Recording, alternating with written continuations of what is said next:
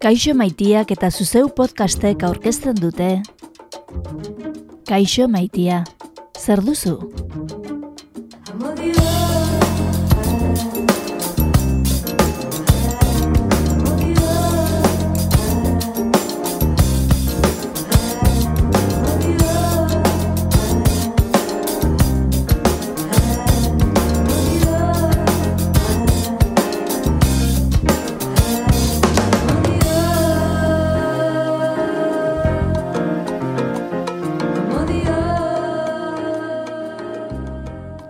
Kaixo maitia harremanak egiteko euskarazko ataria da.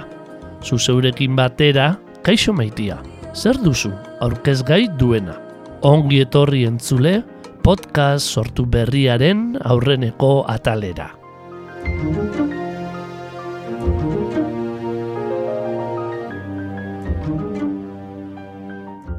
Zoriontzuak algara maila afektibo eta sexualean? Berriro itaunduko dugu zoriontzuak algara maila afektibo eta sexualean. Galdera potolo horri erantzuteak eskazuela, kaixo maitiak inkesta edo ikerketa bat egin zuen 2006an, astikerren laguntzarekin. 2008an aurten errepikatu duena. Eta ikerketa horixe izango dugu izpide gaurko zero atal honetan. Kaixo maitia atariko inigo arandia eta sticker soziologia ikerguneko ekizubidiarekin batera. Sexu inkesta, berez, e, de, sexu inkesta ditzen dugu neko kolokialki, e, internoki eta, eta bueno, sare sozialetan eta horrela aipatzen dugu, sexu inkesta. E, berez, 2006an e, egin genuen lehen aldiz, eta eman zitzaion izen teknikoagoa edo ofizialagoa izan zen Euskal Herritarron harreman afektibo eta sexualen inguruko ikerketa, gara hortan 2006koa, eta, eta urten ba, e, izen buru berdinarekin eta praktikoki galdetegi berberarekin e, 2008koa egin dugu. Bi, bi urtetan, e, bai 2006an da bai 2008an, aipatu dezun bezala, aztikerren e, laguntza paregabearekin.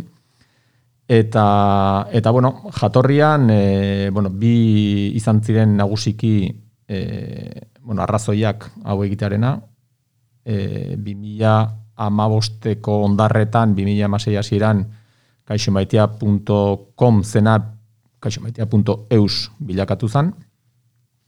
Eta horrekin batera, webgunea bera berritu, era berritu genuen guztiz, eta berlantzatu genuen, edo berrabiatu genuen, edo eman geni horrelako sustapen gehigarri bat eta edukiz ere eduki berriak sortu genituen e, atariaren barruan.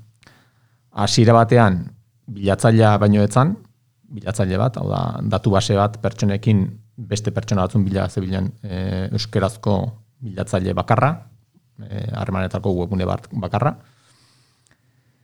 Eta ikusten gendun, e, beharrezkoa zala, etzala hori bakarrik nahi genduena, baizik eta bai nahi gendun e, izan zedin ere hausnarketarako atari bat ere. Bai, e, harremana, sexuaz, e, harremana efektiboetaz, mm, bueno, hausnartuko zuen edo hausnartzeko aukera emango zuen atari bat ere e, izaten egin duen. Edukiak sortuko zituna euskeraz, eta hori dela eta sortu gendun bilatzaileaz gain, atarian bertan blog bat. Blogan e, asiratik kontaketa erotikoak eta e, artikulu ezberdinak e, azaltzen ditugu edo o, plazaratzen ditugu, esan bezala harreman eta sexuaren inguruko e, gaiak jorratuz, kolaboratzaile ezberdinekin, eta e, orduan otu zian, da gainaz asiratik ja bloga sortu den duenean, guretzat importante izango zen eduki bat izango zen e, ikerketa, ikerketa hori, ez? Hau da, jakin egin duen Euskal Herritarrak euskaldunak, euskal herritarrak harreman afektibo edo afektiboki eta sexualki zoriontsuak ziren, hola, titular nagusi bezala, ez? E, asiratik beti egon izan du da, pues, e, euskaldunoekiko alako ez dakit, e, aurreiritzi bat, edo estigma bat, edo den alakoa, e, ba, harremanen inguran hotza goa garela edo, eta pixkat hori horri erantzun bat eman nahian, ez? E, pixkat hor sortu zen ere, eta, eta garai hortan ere, eta gaur egun oraindik ere, e, neiko purian dauden edo egon diren gaiak gaiei erantzuna emateko asmoz, bez, harreman erikin inguruan, seksualitatearen inguruan, eta eta bar, ez. Orduan hori hori osatu gendun, egin gendun e, galdetegi bat, e, oso garbi geneukan hasieratik anonimoa izateko a, izan behartzula, arrakasta izan zezan. Jendea konfiantza izan zezan e, galdera, oso intimoak dian galdera askori e, erantzun emateko. E, oso, oso galdetegi sakona zabala ingendun. Ikuste gendun ere oso importantea zala metodologikoki online egitea, e, arrakasta izango dazun. Oda, anonimotasun hori bermatzeko importantea da online jartzarena. Importantea zan ere, plataforma txukun batean egitea anonimotasun hori ganotzeko, eta guk hor e, Sorry Monkey izeneko plataforma erabili gendun, baten dizulako aukera IP-ak gordetzeko edo ez eh, eskatzeko eta eta ez hartzeko da horrelako hainbat aukera ematen ditulako. Eta bueno, e, aztikerren gana jo genuen, gara jortan, e, pixkat beraien, oda, guk bage asmoa eta beharra e, bermatzeko etzala izango e, harremanetako webgune batek ingozun ikerketatxo, da, momentu batean, are friboloa izan ziteken e, ikerketa bat. Baizik eta baina egin nun e, ematea horrelako ba, ba, metodologikoki eta ematea zientifikoa izan gabe, bintzat, e, alako berme metodologiko bat izan zezan, ez? Eta, eta irakurketa mm, aproposa egiten lagunduko zigun e, bueno, ba, kasu honetan, aztiker bezalako eh, enpresa batekin eh, armaretan jarri ginen ez. Eta hori hori izan zen, beraiekin armaretan jarri, e, eta ba, beraien lana nagusik izan zen e, galdetegiaren e, diseinu horretan lagundu ziguten, Oda, galderak behar bezala formulatzen, erantzunak behar, bela, behar bezala e, formulatzen, e, ariketa e, sesgo gutxien izango zituen galdera eta erantzunak e, sortzen. Eta gero lagundu ziguten, e, behin datua jaso genitunean, datu horiek, bueno, ba, beraien metodologiarekin edo beraien bueno, lanketa, lanketa bat eginez, e, hoien emaitzak e, azaleratzen ez, unibertsuak eta bar. Gai potoloak jorratzen ditu Euskal Herritarron harreman afektibo eta sexualen inguruko ikerketak. Arrigarriro, gizartea ezagutzeko egiten diren inkesta eta ikerketetan jorratzen ez direnak.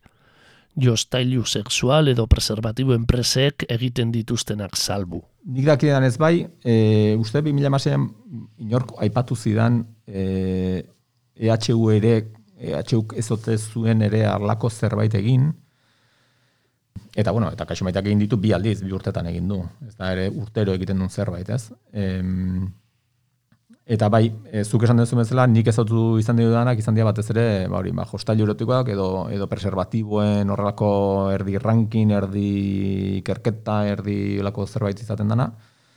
Eta, eta bai, nik usteet badala gai garrantzitsu bat, hau da, e, zori onerako edo zori txarrerako sexuak mundua mugitzen du handi batean. Ere, bai, diruak eta sexuak eta eta eta horren inguruan e, ba, pixkat e, guri buruz eta eta ba, kasontan euskal gizarteari buruz e, gehiago jakitan interesa, interesgarria irutzen zait. Eta interesa, interesgarria ere bada ze sortu dizugarrizko e, bueno, izan du harrera osona eta eta jakimina handia sortu du ez? Ikerketa honek. Eta eta horrek esan nahi du zerbait bai? Da, e, izan dian emaitzak eta jendeak erantzun du jende guzti horrek erantzun dunak erantzun du badulako interes bat ere ez? E, gai hauetan Inigo Arandiari entzun berri dizkiogu ekizu bidia soziologian lizentziatuak berretziko dizkigun kontuak. Aztik ere berritasuna izan baita sexu inkesta. E, bueno, guk aztiker, bueno, aztiker soziologia ikergune bat da, normalean e, ez ditugu izaten gai hauek e, lantzeko aukera, eta ba, in izan ditugun, edo urtetan zeharrin izan dian lanak, orokorrean izaten dira, ba, bai e, hauteskundeen inguruko e, lanak, ba, elekzio batzuen aurretik ba, pronostiko bat ematearena, edo merkatu ikerketak enpresa desberdinei, edo ta, bueno, audientzia neurketak, desberdin, lan desberdin asko egiten dira, eta kasu honetan, ba, inigo, inigo gurekin harremanetan jarri zanean, bai izan zen olako sortu zigun edo piztu zigun jakin bat, ba, bueno, interesgarria irutu zitzaigulako gaia, ez deguna ikusi aurreko urtetan, ez deguna lantzeko aukerarik izan, eta ez genuna ikusten ere, ba, gure inguruko edo gure sektoreko enpresetan gehiegi lantzen zen gai bat. Orduan, ba, bai, etzan, etzan oiko e, eskaera bat izan, eta eta 2016an sortu zigun, bai, kriston olako morbo bat, ez?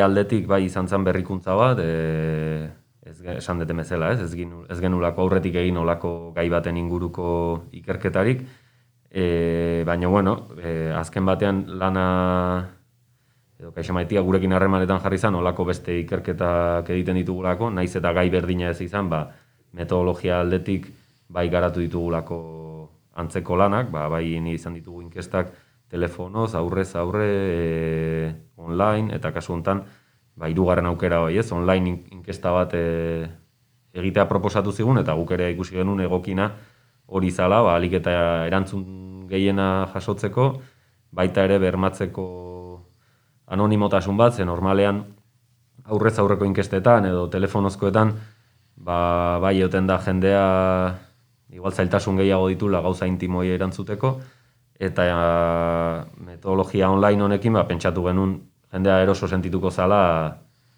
ba, bueno, gai hauen inguruan eta oso intimoak dian galderen inguruan erantzun bat ematen eta bueno, ala gertatu zen. Bai. Euskal Herritarron harreman afektibo eta sexualen inguruko ikerketa ezagutzen ari gara. Kaixo meitiako inio arandia eta stiker soziologia ikerguneko eki zubidiarekin. Gerora podcast honek, Kaixo maitia, zer duzuk? Sexu inkesta izango baitu oinarri, eta emaitza katalezata laletzea helburu. Harremanak osasun zentro integraleko olatz beraztegi psikologo eta sexologaren laguntzarekin. Lehenik eta behin, e, lehen aipatu bezala, plataforma espezializatu batean egin genuen e, inkesta guztiaren bueno, diseinua edo. E, esan bezala elbidetzen zuena eh, anonimatasuna bermatzen, hori zinbesteko, ezinbesteko, metodologikoki ezinbesteko kontu bat zan, anonimotasun hori bermatzea, eta gainaz komunikatzea anonimotasun hori. E, izan ere azkenean, e, bueno, esan bezala gai oso intimoak e, lantzen dira, e, seksualidaren guruko kontuak, batean, jendeak izan dezake horrelako erreparo bat e, erantzuten ez. Zalantza bat hori hori publiko egin daiteken edo ez, e, anonim, anonimotasun hori galduta eta hori orentzat eh, hori oso importante izan, izan da eta eta erabaki gendu plataforma horren bidez egitea. Gero zabaldu sustapena, eh claro, hau horrelako zerbait mai gainean jartzen duzu momentuan e, bada erakargarria komunikatiboki da ere. Eta eta egia esan eh guatzen naiz, e, 2000 amasei eta zitzaiten nahi naiz, lehenengo, lehenengo ikerketa horre, bueno, hori izan zanean, e, nik uste, lau egunetan ja mila, mila erantzunetik gora jaso genitun. Osea, ja lehenengo egunean bagen uzkan bosteun bat edo, ba, hor WhatsApp bidez abaldu, eta, eta oso oso azkar e, izan zuen izugarrizko oiartuna. Eta, Guatzen ez gara hortan, e, aztikarrekin itzen da, esan bueno, zenbateko lagina behar da, zenbateko, zenbat jendek erantzun behar du gutxi gora bera izan dezan alako e, e, bueno, ba, bueno, representazio bat edo izan dezan horrelako eta eta batzen ez bere garaian lareun aipatu zen. Zifra bezala lareun aipatu zen. E, bueno, hor badaude bat telebistako eta irratiko eta hor egiten dian e, edo, edo elekzioen inguruko sondeak eta hor egiten dianak ere laginak ez dira ez dira izugarrizkoak. Baina, bueno, guri lareuneko zifra bat aipatu zitzaigun, eta lareun gain ja lehenengo egunean. Eta, eta bueno, horrera bak momentu batean ere, e, obestea, e, azkartasuna momentu hortan, eta esan, bueno, e, ez dugu luzatuko gehiegi ikerketa hau, edo galdetegiaren e, fase hau, edo galdetzearen fase hau, Eta hori hilabete batean itxi gendun eta mila eta bosteun batek edo erantzun zuten. Eta juntzan oso, oso, bai, oso ongi eta oso arrakastatxu. Eta egia esan espero gendun bezala. Nik espero nun e, ondo funtzionatuko zula. 2006an lau mila lagun inguruk agertu zuen galdetegiarekiko jakin mina. Eta mila eta bosteun izan ziren inkesta bete zutenak. Lau urte geroago, lau mila eta bosteun lagun inguruko lagina lortu du kaixo maitiak astikerrekin batera egindako ikerketan. Ego Euskal Herria eta irurogeita bost urte azpiko Euskal Herritarrak izan dituzte muga. Bai, horre, bai 2000 eta amaseiko inkestan, bai 2000 eta hogeiko inkestan ere, e, bueno, lehenengoan, hori, inkesta guztiz bete zutenak eta inigo esan du mezela, mila eta bosteun izan zian, eta, eta 2000 eta hogeikoan, e, lau mila eta bosteun, guztiz inkesta bete zutenak, baina bi kasuetan euki genuen, bueno, olako, bueno, azkenean ikerketa ere xumea da, eta, eta zabalpena ez dezu lortzen ere eremu guztietan egitea, eta gertatu zitzaiguna da, ba, adibidez, kasurtan zuk esan dezun bezala, e, Ipar Euskal Herriko herritarren erantzun gutxi genitula, edo e, adinari begiratuta, ba, irurogeita bost urtetik gorako herritarren erantzun gutxi baita ere. Orduan, e, ez genuen e, ja metodologikoki ba, pixkat zuzen egiteatik gauzak, ez genuen ikusten e, pertsona hoietaz, edo kolektibo hoietaz hitz egiteko adina erantzun lortu zianik, bai? Orduan erabaki genuen azan, eta inigokin e, alaitzein da ere, esan, bueno, e, ez baditugu lortu ba, Ipar Euskal Herriko erantzun asko, edo e, adineko pertsonen erantzun asko, eta bar, ba, guazen e, akotatzea e, gure unibertsoa edo guazen akotatzea eta esatea inkesta honek e, representazioa daukala edo inkesta hau fidagarria dela ego euskal herriko herritarren artean, baina emezortzi, iruroita lau, urte bitartekoen artean. Eta gaina euskaldunak, ez? E, esan genuen baita ere, ze e, e, bueno, e, izkuntza gaitasun aldetik ere, euskaldunen gana iristea lortu zen batez ere,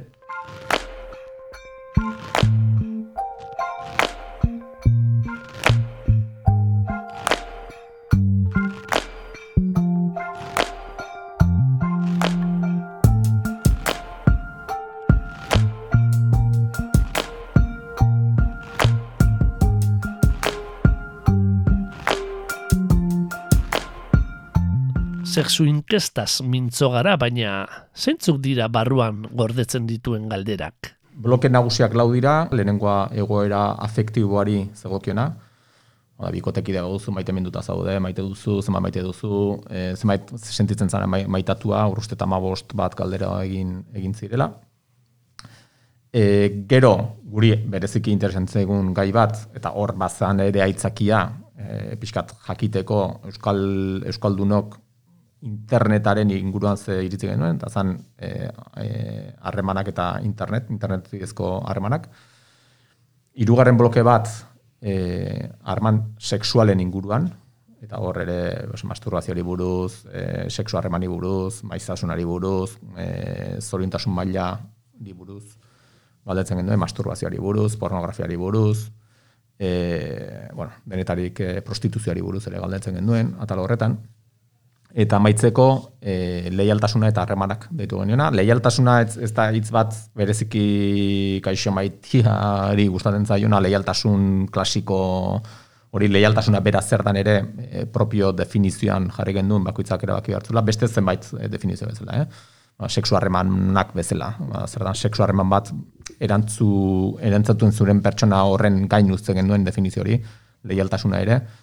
Em, eta eta bueno, lau ataloiek izan zian nagusiki e, eta e, azkena azkena datu demografikoa pixkat e, jakiteko ere, bueno, unibertsio hori egiteko garaian ere nundikan e, zenei maden garrantzi gehiago, zer gutxiago, e, horrelako horrelakoak egin genituen.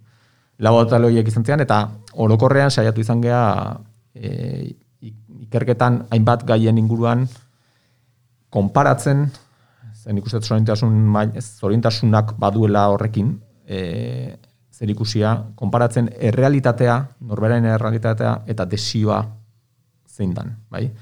Oda, zein da zure diagnostiko bat, zein da zure egoera, momentu honetan, bai?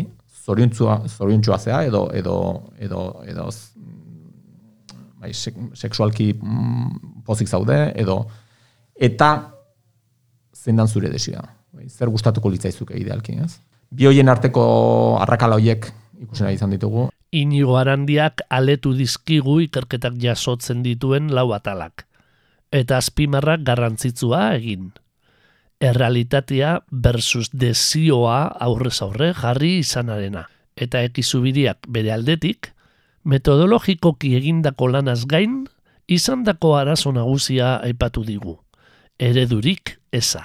Gertatu zitzaiguna da, eh, askotan beste, ga, beste gai baten inguruko inkesta bat izaten denean, askotan dituzulak e, konparatzeko aukerak, ez? Ba, hartu dezakezu, ezakit, eustatek egiten duen ikerketa bat, edo ez dakit, ze ikerketa etxek egin duen beste bat, eta bai ikusi dezakezu, ba, berak nola galdetzen duen, edo beste herrialde batean nola galdetzen dan, eta zuk ekarri ezakezu honea, ez? Eta, bueno, esaten dezu, ba, Frantzian funtzionatu badu, ba, hemen ere hola galdetuko dugu kasu honetan falta zitzaizkiguna da erreferentziak eta esatea e, galdera hau nola, nola galdetu edo jendeak galdera honekin inkesta utzi egingo du zuk galdetzen diozunean zenbat harreman sexual dituzu eta zenbat jende e, aterako da plataformatik eta esango du ba honeaino ez? Orduan falta zitzaigun erreferentzia bat edo izan zen gure zailtasuna. Ba, beste ikerketa batzuk ez eukitzea e, formulazio aldetik edo erantzu honen aldetik, ba ea txukunari ginen jakiteko. Egin ditugun ikerketetan denetik galdetu izan da, ez? Baina gu askotan saiatzen geana da e, aholkularitza bat ematen, ba, batetik inkestaren luzeerak zenbaterainokoa izan behar duen, ze kasu askotan e, inkesta oso luzea egiteak e, ekarri dezake bidean jende asko e, uzten joatea, eta inkesta ez bukatzea, edo galderen ordenak ere eragin dezake e, erantzun tasa aldatzea, ez? Ba, galdera oso intimoak edo oso zuzenak jarri ezkero hasiera hasieratik igual galtzen dezu ja hasieratik ja jende parte bat edo lehenengo hau galdetu eta pixkat ordenak ere garrantzia dauka eta baita ere ba, bueno, azkenean edukia bera inigo edo kaixo maitiatik eman zitzaigun, baino ba, formulazioa alik eta e, txukunena izatea edo e, galdetzeko moduan ba, ikustea, ez? Ba, hola galdetzeak eragiten du edo hola galdetzeak eragiten du eta aliketa neutralen edo izatea holako kontuetan lagundu genien. Hitz egin dezagun orain galderak egin eta erantzunak jaso eta aurkezteko moduaz. Kaixo maitia eta stiker, ikerketa balorapenik gabe plazaratzen saiatu baitira. Hausnarketa hartzaileak berak egin dezan. E, hasierako helburuetan ja etzan sartzen gai hau baloratzea. Guk ere ez genuen ikusten gure burua e, bueno, nahiko erramientarekin hau baloratzeko, ba, ez genuen ez konparatzeko beste ikerketa askorik eta eta gaian ere ez gea dituak, orduan e, kasu honetan oso garbi geneukan erakutsi nahi genuen azala, alik eta datu sinpleenak, ez? Ba, dat, e, maitza orokorrak, gurutzaketak, eta bai, ba, bueno, gero bai ematen dizula, e, estadistikarekin eta erramintak ematen dizute, ba, ikusteko ze aldagaiek eragiten duen gehiago, ez? Ba, esatea, galdera hontan ikusten da gizonezko eta emakumezkoen artean sekulako desberdintasuna dagola erantzunetan. Baina adin tartearen arabera ez, ba, hori bai ikusi dezakegu, baino sartu gabe zergatietan edo.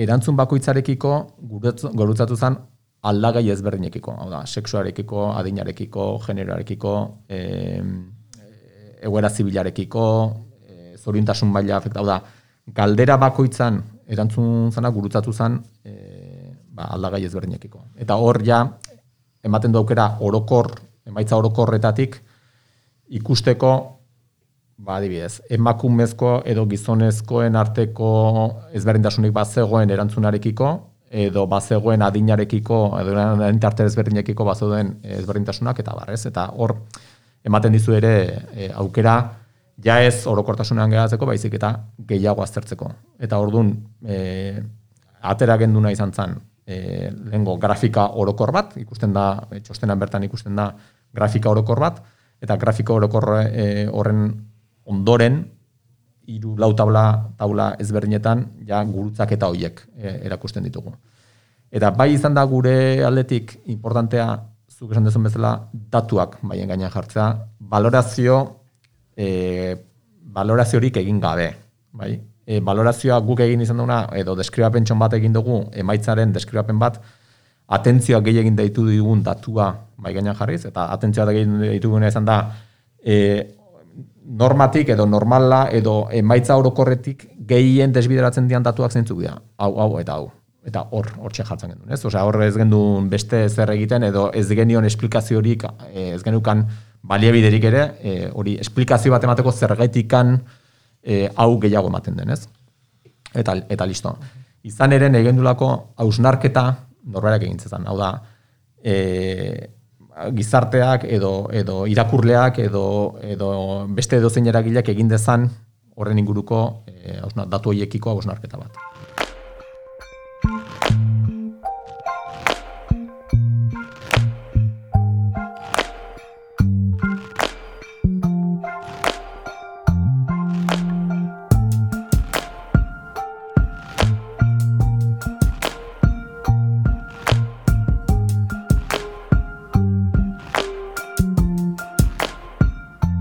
Gaixo maitia lako atari batek baina ez ditu baliabide mugagabeak eta horrelako ikerketa bat egitea ez da merkea.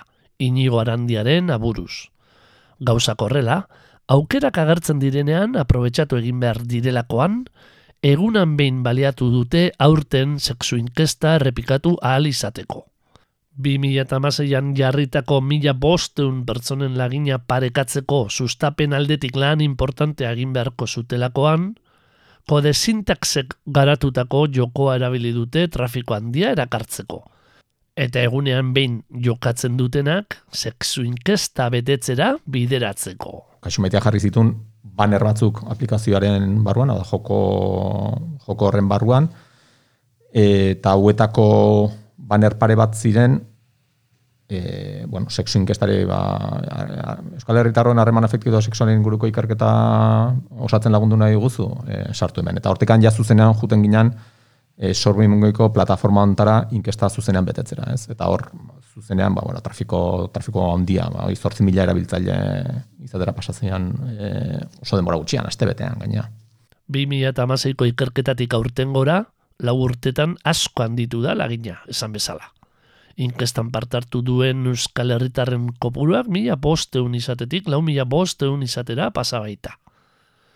Eta horrek izan du nolabaiteko eragina emaitzetan ere, jasotako erantzun batzuk harrigarriro bere horretan mantendu diren arren. Bai, laginaren kopuruan azteko, ba, haunditu zan kopurua asko, eta hori izan zan egunean beineko eragina e, e, batez ere, e, eta bai lortu genuen azan, e, ez genuen aldaketa hondirik egin e, gogoratzen naiz galdetegian eta erantzunetan eta ba, galdeke, e, aldaketa batzuk sartu genitun, baina bueno, iruditu zitzaigun e, funtzionatu zula, 2008koak, orduan asko ez genuen aldatu hori, e, bai aldatu duguna da lagina lortzeko modua, ez? Eta lagina lortzeko moduak e, aldatu du bai kopurua, ba, mila eta bosteunetik, lau mila eta bosteun inkestara, eta baita ere, e, esango nuke aldatu dula, perfila ere, e, inkestatzaiena edo e, inkestatuena, zabaldu, zabaldu indula. Iruditzen zait, 2006koa, baino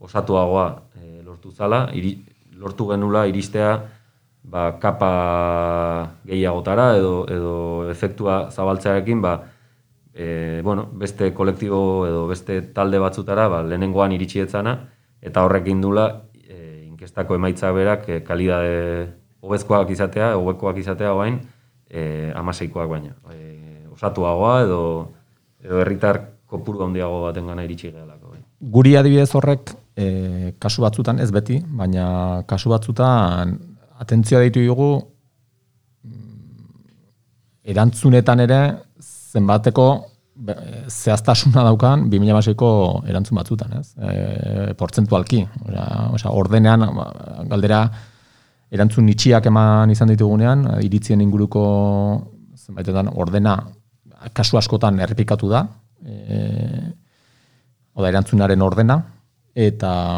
eta zenbait kasutan, kasuren batean, harrigarriki antzeko izan da datua bera ere. Hogei koma zazpi, ba, 2000 masian bezala. Ez? Eta horrelako horrek eman digu ba, bueno, ba, metodologia eta eta egindako lanaren bueno, horrelako zera bat, ez? ziurtasun bat, ondo, ondo egindako lan bat izan dela.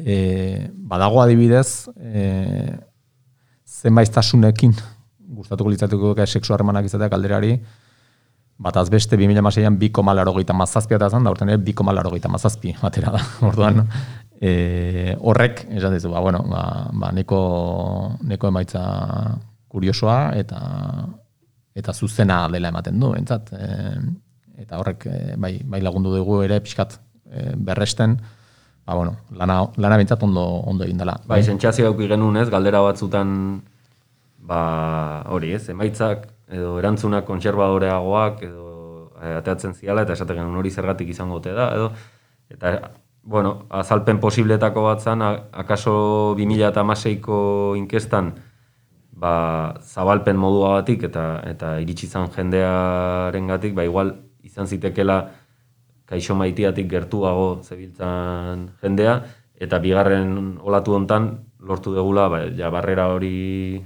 pasatzea eta jende komin artean estandarragoaren gana edo kalekoagoaren gana iristea eta emaitza batzuk oso antzekoak izan dira eta beste kasu batzutan bai zertxo baita aldatu da e, kasu askotan konservadorera ez eta esate genuen, bueno, pues, lagina ere aldatu delako. Euskal Herritarron harreman afektibo eta sexualen inguruko ikerketa interesa duen ororentzat dago eskuragarri. kaixomaitia.eus atarian. Bai, guk hasieratik erabaki genuen e, txosten hau Creative Commons lizentziapean plazaratzea, CC bai, esea deitzen zaion e, lizentziapean, eta webunean bertan dago, kaixo maitia webunean bertan, blogan dago, momentu hontan 2008koa hasierako horritik e, sartu daiteke zuzenean, hor banertxo bat badago eta zuzenean deskargatu daiteke PDF-an egun da berrogeita piko horriko txostena, bere taula grafiko eta guztiekin. Eta, mm, Eta hor dago, 2006ko ere bertan dago, e, blogan sartezkeo, sexu inkesta ikusi eta e, bilaketa askar batekin e, topatu daitekena. Guretzat importante da horako, e, beste helburu bat ere, igual hasieran esan ez duena dela, e, bai, euskerazko edukiak sortu, sarean zabaldu eta honen inguruko gaia jorratzea. Ez da, e, guk egiten ez duguna, e, beste norbaitek egin dezake eta beste norbait horren ikuspuntutik eta eta markoa ezarreaz e, egingo dalako eta guretzat importantea dalako gu, guretik hitz egin eta eta eta guri buruz guk hitz e, egitea importantea dalako, ez? Eta eta hor zabalduko da, e, esan bezala importantea da, e, 2000 basean guatzen naiz, e, egin zitzaigun aitortzarik e, derrenetako bat izan zela, nola galdera, galdetegia erantzuten hasi, eta momentu batean, e, tia, nik hau ez dut inoz pentsatu honen inguruan, ez?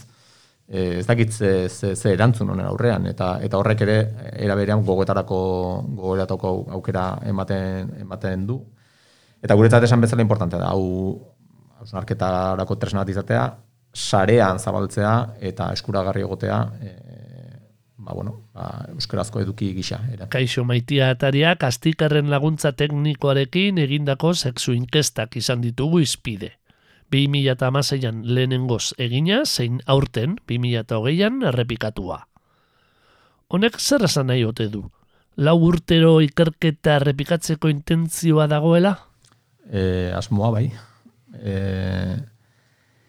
ez dakit, e, 2008 lauean ikusiko dugu beste aukera bat irikitzen da, badagoen beste aukera bat, e, ze aukera mota dan, e, guk hor jarraituko dugun, e, munduak hor jarraituko ez dakigu.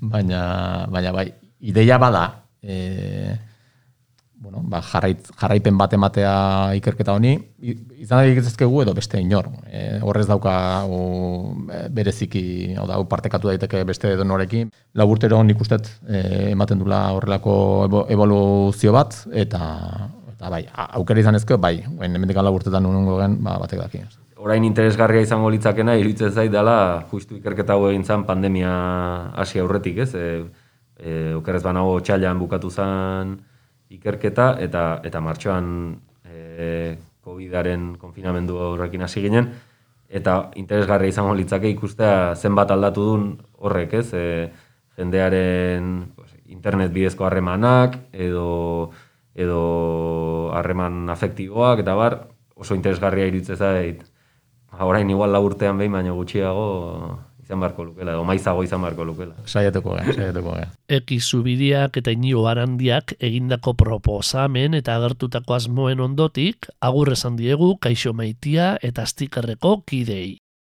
Gaurko zero atalaren ostean, aurkezgai dugun kaixo maitia, zer duzu? Podcastean, sexu inkestaren emaitza kaletuko ditugu datorren astetik aurrera harremanak osasun zentru integraleko olatz beraztegi psikologo eta sexologoaren laguntzarekin. Ordura arte, ondo izan!